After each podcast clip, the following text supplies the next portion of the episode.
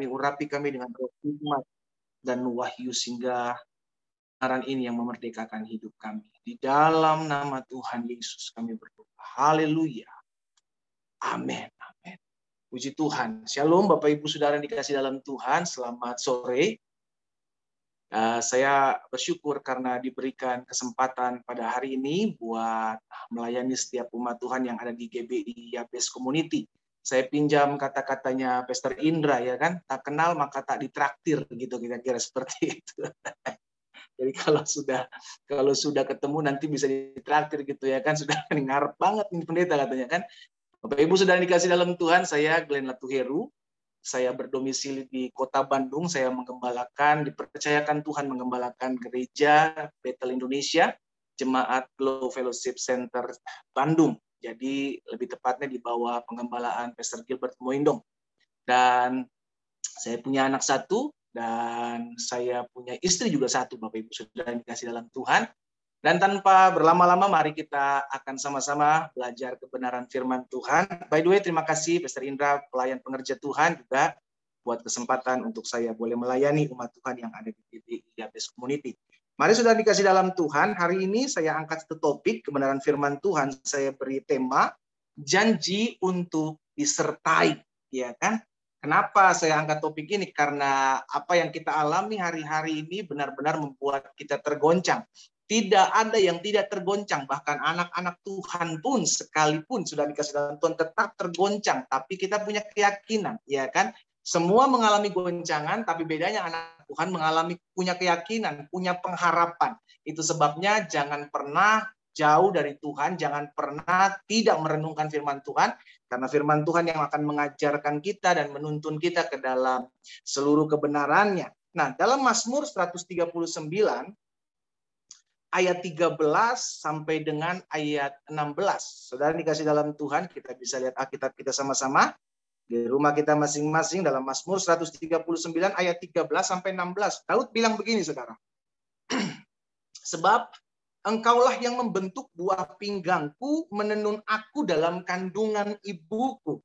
Aku bersyukur kepadamu oleh karena kejadianku dahsyat dan ajaib Ajaib apa yang kau buat dan jiwaku benar-benar menyadarinya. Ayat 15. Tulang-tulangku tidak terlindungi bagimu ketika aku dijadikan di tempat yang tersembunyi dan aku direkam di bagian-bagian bumi yang paling bawah. Ayat 16. Matamu melihat selagi aku bakal anak dan dalam kitabmu semuanya tertulis hari-hari yang akan dibentuk sebelum ada satupun daripadanya. Jadi saudara dikasih dalam Tuhan, Pemasmur jelas mengingatkan kepada setiap kita bahwa Tuhan sudah melihat setiap kita tatkala kita belum hadir di dalam kandungan ibu kita ya kan? Makanya ayat 16 bilang matamu melihat selagi aku bakal anak saudara dikasih dalam Tuhan. Sehingga Daud mengerti betul bahwa hidupnya ada dalam rencana Tuhan Daud memahami betul kalau hidup dalam rencana Tuhan berarti Tuhan yang akan memegang kendali dalam kehidupannya. Ini juga yang harus kita tahu bahwa apa pun yang terjadi dalam hidup kita, Tuhan sudah merencanakan, maka Tuhan juga yang akan menyertai. Sama-sama bilang sama saya, Tuhan pasti menyertai saya. Ayo, ayo, di rumah kita masing-masing kita nggak boleh jaim dong ya kan? Ayo, bilang sama-sama, Tuhan menyertai saya. Amin, saudara. Nah, kalau Tuhan menyertai kita, maka kita tahu apa pun bisa terjadi, tapi penyertaan Tuhan sempurna. Amin. Daud mengerti betul hal ini. Sehingga akhirnya dia tuliskan Mazmur ini, selagi aku bakal anak, Tuhan sudah melihat aku. Dengan kata lain, mata Tuhan itu tertuju kepada setiap kita selagi kita bakal anak. Bahkan di dalam Yesaya 60, 46 maksud saya ayat yang keempat. Yesaya 46 ayat yang keempat. Alkitab bilang begini saudara. Sampai masa tuamu aku tetap diam. Dan sampai masa putih rambutmu, aku menggendong kamu. Aku telah melakukannya dan mau menanggung kamu terus. Aku mau memikul kamu dan menyelamatkan kamu. Saudara dikasih dalam Tuhan. Alkitab jelas mencatat firmannya tertulis bahwa sampai masa tuamu. Kita kembali lagi apa yang jadi perkataan Daud. Dari bakal anak kita kembali lagi ke bayang Yesaya bilang sampai apa? masa putih rambutmu. Berarti dari ketika kita ada dalam kandungan ibu kita sampai kita tua, dengar baik kalau ada orang-orang yang lebih uh, lanjut usia di tempat ini, sudah dengar baik. Tuhan tetap memelihara hidup saudara. Uh, haleluya. Amin. Jangan takut ditinggalkan pada ketakutan orang-orang tua adalah ketika masa saya tua, saya akan ditinggalkan oleh anak saya. Ketika saya tua, maka saya akan diacuhkan oleh banyak orang. Tapi Tuhan Yesus tidak akan pernah meninggalkan kita. Katakan amin. Yes. Sehingga akhirnya jaminannya jelas. Tuhan bilang, sampai masa tuamu, aku tetap dia.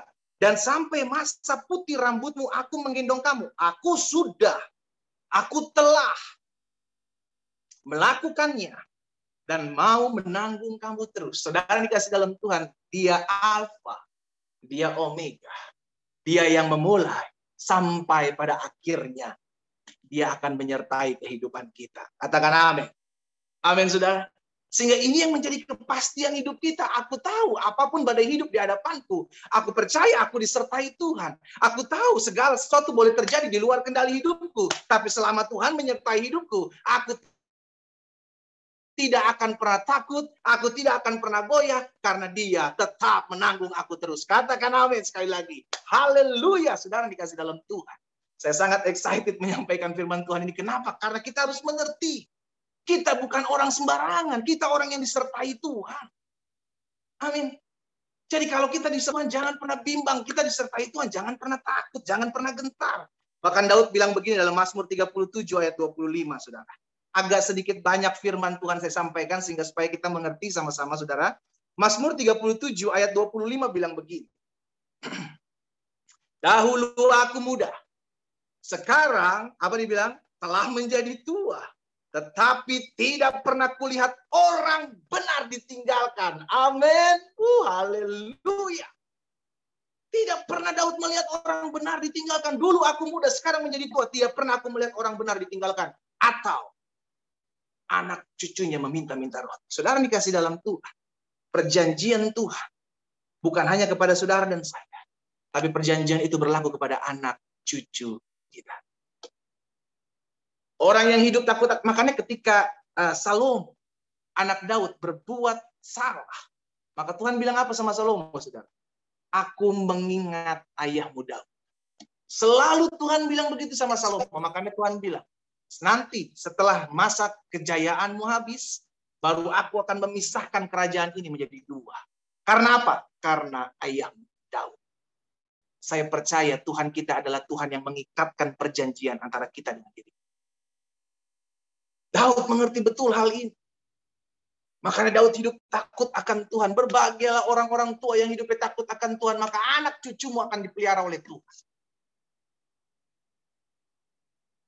Takut akan Tuhan, saudara, bukan hanya untuk diri kita. Kita hidup takut akan Tuhan supaya anak cucu kita hidup dalam pemeliharaan dan hidup dalam berkat-berkat Tuhan. Ini terbukti ketika Yesus hadir di dalam Matius 1 ayat 23 malaikat datangi uh, Maria. Malaikat bilang dalam Matius 1 ayat 23 sesungguhnya anak darah itu akan mengandung dan melahirkan seorang anak laki-laki dan mereka akan menamakan dia apa? Immanuel. Yang berarti Allah menyertai kita. Sama-sama taruh tangan kanan kita di dada. Sama-sama bilang sama saya, saya tidak boleh takut. Karena Tuhan menyertai saya. Amin, saudara. Amin, saudara. Yes. Ini janjinya dan ini tergenapi ketika Yesus hadir. Anak laki-laki itu namanya Immanuel. Yang artinya Allah menyertai kita umat. Jadi dari awal Alkitab sudah menubuatkan tentang pribadi Yesus. Dan Tuhan tahu kita nggak bisa berjalan sendiri sebagai manusia. Kita perlu juru selamat. Bukan hanya sekedar diselamatkan lalu pergi ditinggalkan begitu saja. No, setelah kita diselamatkan Tuhan yang pimpin langkah kita. Ini terjadi ketika bangsa Israel keluar dari tanah Mesir. Ketika Tuhan mengeluarkan umatnya dari tanah Mesir. Apakah Tuhan pergi meninggalkan dia begitu saja biar Musa berjalan memimpin? No. Alkitab mencatat Tuhan memimpin mereka di tengah tiang awan dan tiang api. Berarti hal yang sama terjadi dalam kehidupan umat percaya. Tatkala kita menerima Yesus sebagai Tuhan dan Juru Selamat, bukan hanya sekedar dia selamatkan. Lalu Tuhan bilang, pergi. Kamu sudah diselamatkan. Dah, aku nggak pergi lagi menyertai kamu ya. Sekarang kamu berjalan sendiri-sendiri. No. Tuhan menyertai kita. Dan ini terbukti. Immanuel. Yang berarti Allah menyertai umatnya. Bahkan Yesus sendiri bilang seperti ini, saudara. Yohanes 14 ayat 16 dan 17. Wah ini mesti kita ngerti, sudah dikasih dalam Tuhan. Sehingga apa pun yang terjadi dalam hidup kita, kita tetap terus mengandalkan Tuhan. Kita tetap terus menaruh pengharapan kepada Tuhan. Yohanes 14 ayat 16 sampai dengan ayat 17. Yesus bilang begini ketika Yesus akan terangkat, saudaraku. Aku akan minta kepada Bapa dan ia akan memberikan kepadamu seorang penolong yang lain supaya apa dibilang? Ia menyertai kamu selama lamanya ini menjadi jaminan bahwa Yesus melalui karya Roh Kudusnya menyertai kita selama-lamanya. Bahkan ayat selanjutnya bilang begini, yaitu roh kebenaran. Dunia tidak dapat menerima dia. Sebab dunia tidak melihat dan tidak mengenal dia. Tetapi kamu mengenal dia, ah, sebab ia, ini saudara, menyertai kamu dan akan dia di dalam kamu. Dia menyertai. Dia tinggal. Makanya saudara dan saya dibilang apa? Kita, tubuh kita adalah bait kudusnya. Tubuh kita adalah tempat kediaman roh Allah, saudara dikasih dalam Tuhan. Sehingga akhirnya roh kudus tinggal dalam kita. Kenapa? Karena Yesus tidak mau kita dibiarkan berjalan sendiri. Fisiknya sudah tidak terlihat, tapi rohnya menyertai setiap kita. Bahkan bukan bukan hanya sampai di situ, saudara. Jadi lihat, ketika kita menerima Yesus sebagai Tuhan dan Juru Selamat, saat itu penyertaan Tuhan mulai sempurna atas hidup kita. Kita terima Yesus sebagai Tuhan dan Juru Selamat, Yesus bilang, aku menyertai engkau. Bahkan ketika Yesus pergi ke surga, Yesus bilang, aku tidak akan meninggalkan kau sebagai seorang yatim. Aku akan memberikan kepadamu penolong yang lain. Dia akan menyertai engkau. Selama-lamanya. Bukan hanya sampai di dalam kehidupan. Tapi lihat saudaraku, dalam Yohanes 14 ayat 2 dan ayat 3. Apa yang dikatakan di sana? Di rumah Bapak. Ini masih kata Yesus. Saudara. Di rumah Bapak banyak tempat tinggal. Jika tidak demikian, tentu aku mengatakannya kepadamu. Perhatikan, sebab aku pergi ke sana. Aku pergi ke situ untuk menyediakan tempat bagi Buat apa sih Yesus Tuhan? Repot-repotin gitu. Untuk apa? Untuk ayat yang ketiga, saudara. Untuk ayat yang ketiga bilang begini. Apabila aku telah pergi ke situ dan telah menyediakan tempat bagimu, aku akan datang kembali membawa kamu ke tempatku. Tujuannya satu, supaya di tempat di mana aku berada, kata Yesus. Kamu pun, saudara dan saya, berada bersama-sama dengan Yesus. Ini yang menjadi bukti bahwa sampai kapan pun dia Allah yang tidak akan pernah meninggalkan kita sampai kita pergi meninggalkan bumi, Tuhan juga sudah menyediakan tempat supaya kita tinggal bersama-sama dengan. Bayangin saudara, sedemikian rinci Tuhan mempersiapkan hidup kita bagi orang-orang yang menerima Dia sebagai Tuhan dan Juru Selamat. Bukan juga habis cuman sekedar diselamatkan. No, Tuhan pelihara. Selama kita di muka bumi, Tuhan pelihara kita. Bahkan setelah MIMB kita, ya kan, izin menempati bumi habis, maka Tuhan membawa kita kembali ke tempatnya. Jaminan satu, supaya di tempat di mana Yesus berada, aku pun berada, saudara pun berada. Berarti dengan kata lain, kematian bukanlah suatu hal yang menakutkan. Amin. Kenapa?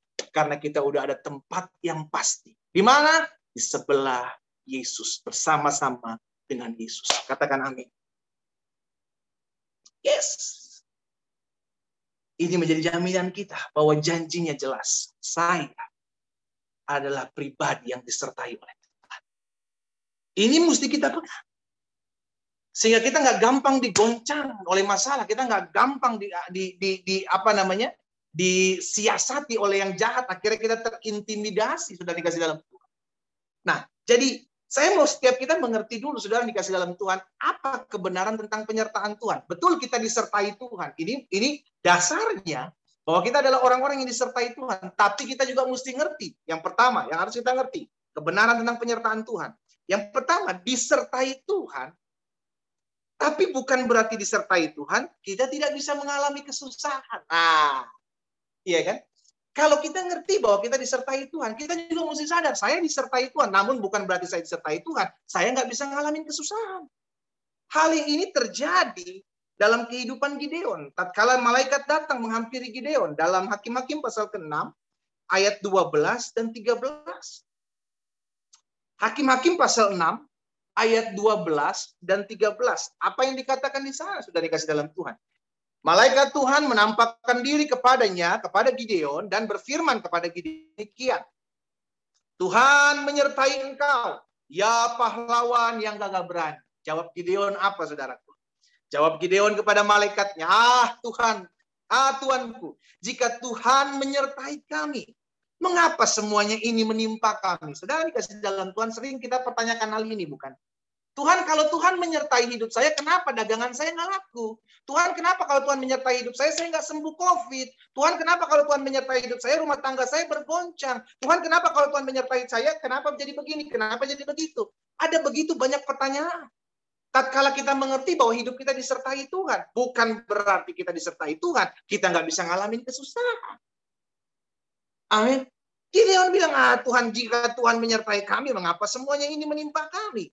Di manakah segala perbuatan-perbuatannya yang ajaib yang diceritakan oleh nenek moyang kami kepada kami ketika mereka berkata, bukankah Tuhan telah menuntun kita keluar dari Mesir?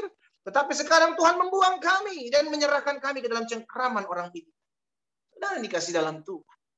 Kalau kita mengerti kita disertai Tuhan. Lalu kita beranggapan bahwa segala sesuatu baik adanya, nggak bisa sesuatu yang buruk terjadi. Kita sedang menipu diri kita sendiri. Kita mesti terima kenyataan ini. Bahwa sekalipun Tuhan menyertai hidup kita, maka kejadian-kejadian di luar kendali kita bisa terjadi. Sekalipun Tuhan menyertai hidup saya, tapi bukan berarti saya nggak bisa masuk dalam kesusahan. Bukan berarti saya nggak bisa masuk dalam kesukaran hidup. Bisa semua itu bisa terjadi, saudara dikasih dalam. Itu sebabnya kita perlu mempersiapkan diri tatkala kita mengalami kesusahan, kita perlu mempersiapkan diri supaya apa? Supaya kita tidak menjadi kecewa. Ada banyak anak-anak Tuhan kecewa karena dia salah dalam mengartikan penyertaan Tuhan. Sehingga akhirnya mulai kecewa, mana katanya Tuhan menyertai saya, ada pembelaan Tuhan. Mana katanya Tuhan menyertai saya, pasti saya ditolong dan dibela Tuhan. Sudah dikasih dalam Tuhan. Yang kita mesti ngerti, betul kita disertai Tuhan. Namun terkadang masa-masa sukar itu harus menghampiri hidup setiap kita untuk kita diuji imannya, untuk kita dimurnikan imannya, untuk kita semakin bertumbuh dan ujung-ujungnya menghasilkan Tuhan.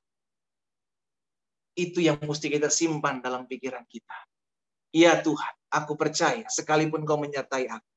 Tapi aku harus mempersenjatai diriku untuk mempersiapkan diriku seandainya ada masa-masa kesusahan, ada masa-masa suka itu menghampiri hidupku, aku harus siap. Yang kedua, kebenaran tentang penyertaan Tuhan atas hidup kita. Yang kedua, disertai Tuhan bukan berarti semua yang kita rencanakan pasti berhasil. Nah, ada banyak orang, ya kan saya disertai Tuhan, pasti apa yang saya rencanakan berhasil. Sehingga akhirnya ketika gagal, dia mulai sakit hati, dia mulai kecewa, dia mulai cari-cari kesalahan orang. Dan ujung-ujungnya dia cari, dia akan bilang ini semua karena Tuhan, ini semua karena saya saya terlalu mengandalkan Tuhan. Gak bisa, saudara. Kita disertai Tuhan, tapi ada kalanya Tuhan membiarkan kita fail. Ada kalanya Tuhan membiarkan kita gagal. Kenapa? Supaya kita mengerti bahwa rencana Tuhan yang pasti akan tergenapi, bukan rencana saya. Manusia boleh punya rencana banyak. Manusia boleh mereka-rekakan Alkitab bilang, tapi keputusan berasal daripada Tuhan. Kita hanya bisa merencanakan, kita punya planning, kita bawa kepada Tuhan. Tapi kalau Tuhan lihat rencana planning kita membawa kita masuk dalam kehancuran, membuat kita hidup lebih hancur, maka Tuhan ganti rencana dengan rencana Tuhan. Dan itu pasti akan mendatangkan kebaikan dalam kehidupan setiap kita. Itu yang kita pegang. Yesaya 55 ayat 8 dan 9. Alkitab bilang begini, sebab rancanganku bukanlah rancangan dan jalanmu bukanlah jalan. Demikian firman Tuhan. Seperti tingginya langit dari bumi, demikianlah tingginya jalanku dan jalanmu dan rancanganku dan rancangan. Jauh, saudara, jauh. Tuhan bilang dari seperti langit, dari bumi. Seperti itulah rancangan Tuhan dengan rancangan kita. Jadi kalau sesuatu terjadi fail, ada kegagalan dalam setiap rencana kita, jangan kecewa. Kita percaya Tuhan pasti akan membawa kita masuk dalam rancangannya. Yang itu pasti akan membawa kita jauh lebih dahsyat, jauh lebih hebat, jauh lebih luar biasa dari apa yang kita bayangkan. Bahkan dari apa yang kita rencanakan. Tapi bukan berarti kita nggak nggak mendoakan rencana-rencana kita. No, kita berdoa. Kita tetap doakan. Tapi kita mengerti kalau rencana kita gagal, berarti kita percaya ada maksud dan rencana Tuhan yang dahsyat dan luar biasa. Ya, jadi yang pertama kebenaran tentang penyertaan Tuhan disertai Tuhan bukan berarti tidak bisa mengalami kesusahan. Yang kedua disertai Tuhan bukan berarti semua yang kita rencanakan pasti otomatis berhasil. Dan yang ketiga saya pelajari ketika kita disertai Tuhan, namun bukan berarti disertai Tuhan ber, bukan berarti semua yang kita doakan pasti terjadi. Ah, saudara dikasih dalam Tuhan, hati-hati. Iya kan? Tidak selama yang kita doakan ini pasti berjalan sesuai dengan apa yang menurut kita dan kita doakan hari-hari ini. Contoh sederhana Maria dan Marta, saudara. Istilahnya kalau zaman sekarang pasti Maria dan Marta tuh udah WhatsApp Tuhan Yesus. Guru yang kau kasih sedang sakit. Datanglah kemari untuk mendoakan. Lalu apa yang di Alkitab catat, saudara? Alkitab mencatat ketika Yesus mendengar kabar bahwa Lazarus sakit, maka Tuhan Yesus sengaja tinggal dua hari lebih lama. Istilahnya ada yang kasih kabar ke Pastor Indra. Pastor Indra, ada yang sakit nih jemaat Tuhan. Pastor Indra bilang, oke, okay, nanti dua hari lagi saya datang ya. Padahal udah sekarat nih orang yang sakit. Saudara, ini yang saya bilang. Saudara dikasih dalam Tuhan, ada banyak umat Tuhan kecewa Kenapa tidak saat itu didatangi dan didoakan? Dan dikasih dalam Tuhan, Yesus sengaja tinggal dua hari lebih lama. Tahu kenapa, saudara? Supaya Lazarus mati dulu. Dikubur dulu. Ditutup dulu dengan batu. Baru Yesus datang. Kalau kita nih jadi Maria dan Marta, kita bilang begini, Yesus. Maksudnya Tuhan Yesus. Telat. Udah mati. Yang saya minta pada saat dia sakit, engkau datang. Saudara dikasih dalam Tuhan, untuk ukuran Maria dan Marta, Yesus terlambat. Untuk ukuran kita sebagai manusia, sering kali kita bilang, Tuhan sudah terlambat. Tapi izinkan saya hari ini mengingatkan, buat Tuhan Yesus, tidak ada kata terlambat. Dia selalu tepat waktu. Amin, saudara. Dia selalu tepat waktu. Jadi kebenarannya adalah disertai Tuhan, bukan berarti semua yang kita doakan pasti terjadi. Kita doakan supaya apa yang kita doakan ini pasti terjadi, lalu tiba-tiba miss. Tidak terjadi, lalu kita akhirnya mulai kecewa dan akhirnya menyalahkan Tuhan. Tuhan, mana katanya Tuhan berkuasa? Saya udah berdoa buat sakit penyakit saya, sampai hari ini penyakit saya nggak disembuhkan. Tuhan saya udah berdoa buat pemulihan rumah tangga saya, tapi sampai hari ini bukannya pulih, tapi suami saya malah tambah hancur hidupnya. Istri saya malah tambah berantakan hidupnya. Sudah dikasih dalam Tuhan. Kita disertai Tuhan. Bukan berarti kita bisa ngatur Tuhan. Ah, saya ulangi sekali lagi ya. Kita disertai Tuhan. Bukan berarti kita bisa ngatur Tuhan. Pegang itu kata-kata Tuhan. Kalau kita disertai Tuhan, kita percaya apa yang Tuhan buat dalam hidup kita ada yang terbaik. Amin. Siapa kita ngatur-ngatur Tuhan? Tuhan ini sekarang waktunya, Tuhan ini buat ini. Dia Tuhan, kita hamba. Bukan kebalik, kita Tuhan, dia hamba. Bukan kita yang ngatur dia, dialah yang mesti ngatur kita. Amin, saudara. Sehingga akhirnya kita mengerti. Kalau kita berdoa, kita cuma bilang apa yang Yesus ajarkan di Taman Getsemani. Ya Bapak, jika cawan ini lalu Tuhan kehendaki lalu maka biarlah sesuai dengan kehendakmu, bukan kehendakku. Itulah yang kita doakan. Tuhan, Jika Tuhan berkenan, biarlah ini yang terjadi. Tapi kalau Tuhan pandang baik, biarlah apa yang Tuhan pandang baik itu yang terjadi dalam hidup saya. Jadi kebenaran yang ketiga kita pelajari disertai Tuhan bukan berarti semua yang kita doakan pasti terjadi sesuai dengan apa yang kita mau. Dia Tuhan, kita hamba. Jangan ngatur-ngatur Tuhan. Dialah yang harus ngatur hidup kita. Sadrak Mesak Abednego tetap pada pendirian. Jikalau Allah yang kami sembah sanggup tolong kami, maka dia akan melepaskan kami. Tapi jikalau tidak, maka kami tetap tidak akan menyembah patung Dewa Raja. Tapi apa yang terjadi? Apakah luput dari dapur api? No, tetap masuk dalam dapur api. Tapi dalam dapur apilah mereka disertai. Dalam dapur apilah mereka dijaga. Sehingga Alkitab mencatat tidak ada yang terbakar dari Sadrak, Mesak, dan Abednego. Demikian pula Daniel. Daniel sudah berdoa, berdoa dan berdoa, tapi apakah luput dari gua singa? No, tetap masuk dalam gua singa. Tapi di gua singa lah Daniel dijaga. Di gua singa, di gua singa lah Daniel dipelihara. Itu sebabnya saya mau bilang, sudah dikasih dalam Tuhan, kalau kita harus melalui apa yang kita doakan dan kita melihat doa kita tidak dijawab, berarti kita harus menjalani pergumulan dan masalah yang kita doakan supaya lelau, supaya lewat, tapi kita harus jalani, maka kita harus jalan. Tapi dalam masalah itu kita disertai Tuhan. Dalam pergumulan itu Tuhan sertai kita. Tuhan uh, bela kita. Tuhan tolong kita. Yang keempat, disertai Tuhan. Bukan berarti kita tidak akan mengalami penderitaan. Nah, ini yang sering kali kita takut sudah dikasih dalam Tuhan. Kita berdoa sama seperti doa Yabes. Kiranya Engkau memberkati aku berlimpah-limpah. Gak ada yang mau doa Bapak kami sesuai. Jadilah kehendakmu di bumi seperti di sorga. Kita lebih memilih doa Yabes daripada doa Bapak kami. Padahal yang ngajarin doa Bapak kami Yesus. Kenapa lebih milih doa Yabes? Karena diberkati berlimpah-limpah. Tahukah saudara, Yesus ajar kita untuk sangkal diri pikul salib. Ada banyak anak-anak Tuhan takut mengalami penderitaan. Akhirnya bilang, gak mungkin ikut Yesus menderita. Ikut Yesus pasti diberkati. Amin. Saya aminkan. Tapi jangan pernah lupa. Ikut Yesus pun harus sangkal diri pikul. Lalu yang benar gimana pendeta? Harus balance. Kita bukan kejar berkat karena kita memang sudah diberkati. Tapi untuk mengiring Tuhan, ada penderitaan badani yang harus kita miliki, harus kita jalani. Itu penderitaan badani. Engkau disfitnah, engkau tidak membalas, itu penderitaan badani. Engkau eh, dirugikan, engkau tetap mendoakan mereka, itu penderitaan badani. Dan hanya anak-anak Tuhan yang bisa melakukan hal itu. Iya kan? Jadi, saudara dikasih dalam Tuhan, bahkan Yesus bilang loh saudara, Matius 4, Matius 6 ayat 34, coba lihat. Matius pasal 6 ayat 34 bilang begini.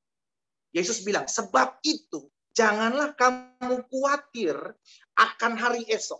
Kenapa? Karena hari esok mempunyai kesusahannya sendiri. Kesusahan sehari cukuplah untuk sehari. Dengan kata lain, Yesus memberi garansi. Ada hari setiap hari akan ada kesusahannya. Kita nggak bisa nolak, sudah. Yesus yang bilang. Kita bilang, oh, saya tolak kesusahan, saya tolak kesusahan, saya tolak penderitaan. Loh, Yesus bilang setiap hari ada kesusahan masing-masing kok. Bagaimana kita tolak? Itu gift. Bahkan Rasul Paulus bilang, kepada kamu dalam Filipi 1 ayat 29, kepada kamu dikaruniakan bukan saja untuk percaya kepada Kristus, tapi juga untuk menderita untuk dia. Gimana kita doa-doa tolak menderita? Saudara kita mesti mempersiapkan diri kita. Kalaupun Tuhan izinkan ada penderitaan, kita tetap mau setia. Kenapa? Karena sekalipun saya harus menderita, saya tidak akan pernah ditinggalkan. Itu yang menjadi jaminannya. Nah, hal ini saya bagikan empat hal tentang kebenaran tentang penyertaan Tuhan. Saya ulangi sekali lagi, saudara. Ya kan, kebenaran tentang penyertaan Tuhan disertai Tuhan bukan berarti tidak bisa mengalami kesusahan. Disertai Tuhan bukan berarti semua yang kita rencanakan pasti berhasil. Disertai Tuhan bukan berarti semua yang kita doakan pasti terjadi. Dan disertai Tuhan bukan berarti kita tidak akan pernah mengalami penderitaan. Tapi inilah jaminannya. Kalau kita mengerti, kita adalah orang-orang yang disertai. Yang pertama, kita pasti akan mengalami kemenangan. Apa pun yang kau hadapi, apa pun yang kau alami, ujung-ujungnya, di end of the day-nya, engkau akan menjadi seorang pemenang. Loh, jaminannya jelas kok saudara. Sekalipun saya harus mengalami kesusahan, karena disertai Tuhan, bukan berarti saya nggak bisa mengalami kesusahan. Tapi sekalipun saya melewati kesusahan, saya percaya ujung-ujungnya Tuhan yang akan memberikan saya kemenangan. Sekalipun saya bisa difitnah, saya disertai Tuhan, saya masih bisa difitnah. Tapi Tuhan bisa pakai fitnahan-fitnahan itu untuk mengangkat hidupmu. Layaknya sama seperti seorang yang bernama Yusuf. Allah mampu merubah kutuk menjadi berkat. Mazmur 20 ayat 7 bilang begini. Sekarang aku tahu bahwa Tuhan memberi kemenangan kepada orang yang diurapinya dan menjawabnya dari surganya yang kudus dengan kemenangan yang gilang gemilang oleh tangan kanannya. Saudara dikasih dalam Tuhan, kita diurapi bukti penyertaan Tuhan. Kalau kita disertai Tuhan, berarti apa pun yang terjadi, penderitaan apa pun yang harus saya alami, kesusahan badani apa pun yang harus saya gumuli, ujung-ujungnya adalah kemenangan. Kenapa? karena saya disertai Tuhan. Yang kedua, janji Tuhan menyertai langkah kita, maka jaminannya adalah tetap ada penghiburan di tengah-tengah tantangan dan rintangan. Tetap ada penghiburan, jadi ada tantangan. Amin, pasti ada. Rintangan, betul pasti ada, tapi ada penghiburan. Mazmur 23 ayat 4. Haleluya. Sekalipun aku berjalan dalam lembah kekelaman, lihat saudara, aku tidak takut bahaya, sebab engkau besertaku, gadamu dan tongkatmu, itulah yang menghibur aku.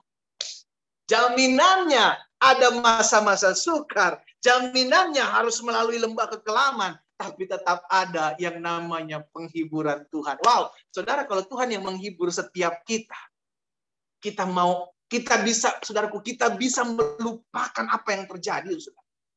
Kita kayak sedang tidak mengalami apa yang kita alami. Kenapa? Karena Tuhan yang menghibur. Dan kalau penghiburan Tuhan itu sifatnya kekal.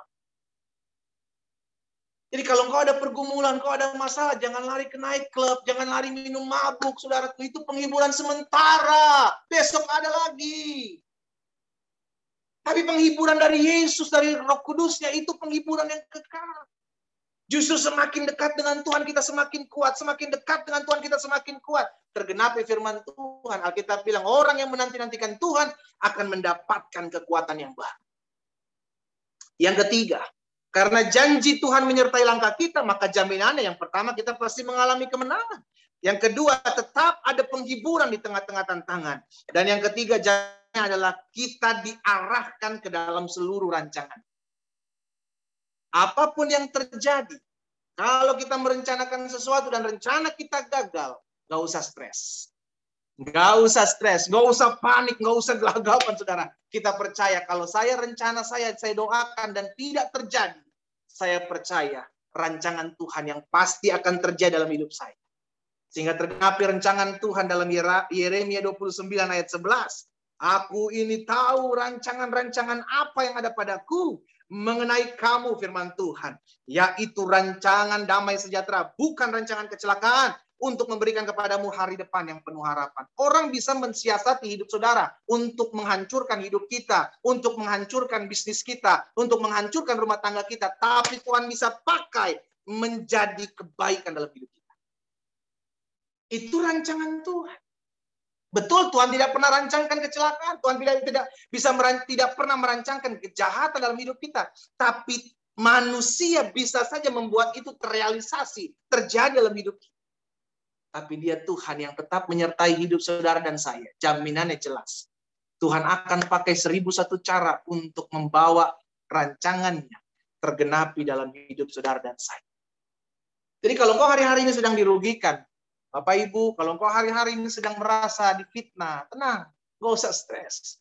Tuhan pakai segala sesuatu yang jahat dalam hidupmu untuk mendatangkan kebaikan. Karena apa? Karena dia tidak pernah meninggalkan. Yang terakhir, yang keempat, saudara dikasih dalam Tuhan. Karena janji Tuhan menyertai langkah kita, maka jaminannya kita akan hidup dalam pemeliharaan. Dari awal saya bilang kita hidup bukan kejar berkat, berkat yang kejar kita. Stop cari berkat Tuhan carilah perkenanan Tuhan. Sama-sama bilang sama saya, cari perkenanan Tuhan. Kenapa kita harus cari perkenanan Tuhan? Karena berkat sudah melimpah dalam hidup saudara dan saya. Lalu akhirnya kita bilang, kita lah yang nantinya mendefinisikan berkat itu seperti apa. Saudara, kemarin-kemarin kita tahu berita bahwa orang cari oksigen susah. Saudara masih bisa bernafas. Amin. Orang cari oksigen sampai bayar, bisa bayar mahal. Untuk ngedapatin oksigen, dia mau bayar mahal, saudara yang kasih dalam Tuhan. Dan kita bersyukur, kita masih bisa hirup oksigen free. Kita dikasih kepercayaan. Dan itulah berkat. Jangan langsung bilang, ya gimana pendeta saya nggak bukan nggak bisa terima berkat Tuhan, saya nggak punya berkat daripada Tuhan, habis rekening saya kosong.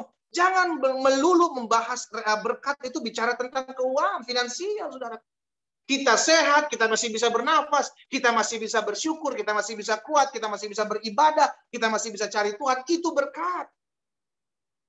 Berkatlah yang ngejar saudara, bukan saudara kejar-kejar berkat. Sampai ada istilah dunia bilang apa? Banting tulang, peras keringat, putar otak. Waduh, bayangin. Pakaian aja kita peras, saudara, itu melilit, saudara. Apalagi kita keringat diperas. Otak diputar, putar dikit otak aja kita ngeces. Iya kan? Banting tulang-tulang dibanting-banting, saudara. Coba kok saudara orang Medan. Oh, digamparin saudara sama tulang saudara. Iya, banting tulang bayangin saudara. Kata tulang sini kau yang ku banting. Baik. saudara ini kasih dalam Tuhan. Kita ngerti itu prinsip orang dunia. Harta kita kejar. Tapi anak-anak Tuhan, Yesus bilang begini, carilah kerajaan Allah serta kebenarannya terlebih dahulu. Maka semuanya akan kutambahkan kepada. Uh, haleluya. Bukan kita yang ngejar berkat, jaminannya jelas. Lu tidur pun lu diberkati oleh Tuhan. Tapi bukan berarti lu tidur terus. Oh, gue tidur diberkati oleh Tuhan. Udah gue makan tidur, makan tidur, bengkak lu. Iya kan? Jangan makan tidur, makan tidur. Apalagi PPKM begini, waduh, bengkak, saudara. Mandi. Mandi, ingat ada suami, ada istri di rumah yang ngeliatin kita gitu kan, asem lu. Saudara dikasih dalam tuh. Saudara tuh kita mesti ngerti bahwa fokus hidup kita adalah supaya kita berkenan kepada Tuhan. Untuk pemeliharaan Tuhan, jaminan jelas.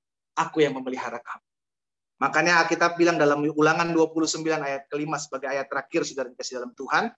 Ulangan 29 ayat kelima bilang begini. 40 tahun lamanya aku memimpin kamu berjalan melalui padang gurun. Pakaianmu tidak menjadi rusak di tubuhmu dan kasutmu tidak menjadi rusak di kakimu. Ini perkataan Tuhan kepada umat Tuhan, bangsa Israel. 40 tahun mereka berjalan di padang gurun. Jubah mereka tidak rusak, kasut mereka tidak rusak, saudara dikasih dalam Tuhan. Mereka tetap dalam pemeliharaan Tuhan. Bayangin mereka di padang gurun tetap terpelihara. Makan masih bisa makan. Minum masih bisa minum, sudah dikasih dalam Tuhan. Dengan kata lain sudah dikasih dalam Tuhan. Kita mengerti bahwa pemeliharaan Tuhan sempurna. Pertolongan Tuhan sempurna. Dan kalau Tuhan yang memelihara hidup kita, saya mau pastikan Alkitab akan tergenap. Alkitab bilang begini, singa muda boleh merana kelaparan. Tapi orang-orang yang takut akan Tuhan tidak akan kekurangan suatu apa pun yang baik. Betul, hari-hari ini pandemik. Betul, hari-hari ini PPKM. Betul, orang-orang yang usaha, orang-orang yang berbisnis goncang. Tapi dengar baik, Tuhan akan buat perbedaan antara orang-orang yang mengandalkan dia dengan orang-orang yang tidak mengandalkan dia. Sekarang jadi pertanyaan, engkau cari kejar berkat atau engkau cari kejar perkenanan Tuhan? Dan Tuhan lihat hati lu sudah. Terlalu mudah untuk Tuhan memelihara hidup anak-anak Tuhan. Terlalu mudah, terlalu amat sangat mudah. Tapi yang Tuhan cari adalah apakah dia mencari aku. Karena kejarlah hatinya, jangan kejar dia. Karena dompet akan mengikuti kalau engkau sudah merebut hati. Uh, haleluya. Demikian pula istri-istri. Ya kan jangan kejar dompet suami, lu kejar hati suami. Dompetnya ngikutin. Itu kan. Apalagi bapakmu di sorga. Saudariku. Seringkali anak-anak Tuhan salah konsep. Carinya berkat, carinya kesembuhan, carinya mujizat. Sampai lupa sang pemberi. Engkau sedang, tanpa kita sadari saudara, kita sedang menduakan Tuhan dengan apa yang menjadi pemberiannya, bukan kepada sang pemberi. Saya percaya setiap kita hari ini sudah diberkati oleh kebenaran firman Tuhan, membuat kita mengerti bahwa kita adalah orang-orang yang disertai oleh Tuhan. Tapi kita juga mesti sadar, disertai Tuhan bukan berarti kita nggak bisa ngalamin kesusahan. Disertai Tuhan bukan berarti kita nggak bisa mengalami penderitaan badan. Disertai Tuhan bukan berarti kita nggak bisa mengalami susahan. Tapi sekalipun kita mengalami, dia tetap Allah yang menyertai, yang menghibur, yang memelihara, dan menolong setiap kita. Kita berdoa, kita datang kepada Tuhan. Kami mengucap syukur buat kasih setia Tuhan, buat anugerah Tuhan, buat pemeliharaan Tuhan atas hidup kami. Kami berterima kasih karena hari ini kami mendengarkan firman Tuhan dan kami sungguh-sungguh diberkati. Tuhan, hamba berdoa biar setiap kami yang pada hari ini bergabung dalam ibadah saat ini. Kami dikuatkan, firman termaterai dalam hati kami. Kami menjadi pribadi-pribadi yang tetap kuat dan bertindak sekalipun kami mengerti ada masa-masa sukar dalam hidup kami. Ada pergumulan-pergumulan, ada masalah, ada masalah, ada tantangan-tantangan yang harus kami jalani dalam kami mengiring Tuhan. Tapi kami tetap mau setia untuk ikut Tuhan karena kami tahu Tuhan Yesus tidak pernah meninggalkan kami. Engkau adalah Allah Immanuel yang menyertai, yang memelihara, yang menolong dan menguatkan setiap kami tatkala kami sedang dibentuk dan dididik oleh Tuhan. Hamba berdoa sehingga umat yang olehnya Tuhan percayakan digembalakan oleh hambamu Pastor Indah dan keluarga dari MGBI Yabes Community. Hamba ucapkan berkat dalam nama Yesus. Tuhan memberkati, menguatkan, meneguhkan setiap mereka. Bahkan kalau ada yang sakit, hamba doakan dalam nama Yesus kuasa kesembuhan turun atas setiap mereka. Oleh kuasa bilur darah Yesus mereka dijamah dan disembuhkan. Disampaikan firman, disembuhkan mereka terjadi dalam hidup mereka. Terima kasih Bapak. Hamba berdoa dan hamba mengucap syukur di dalam nama Tuhan Yesus. Haleluya. Amin. Amin.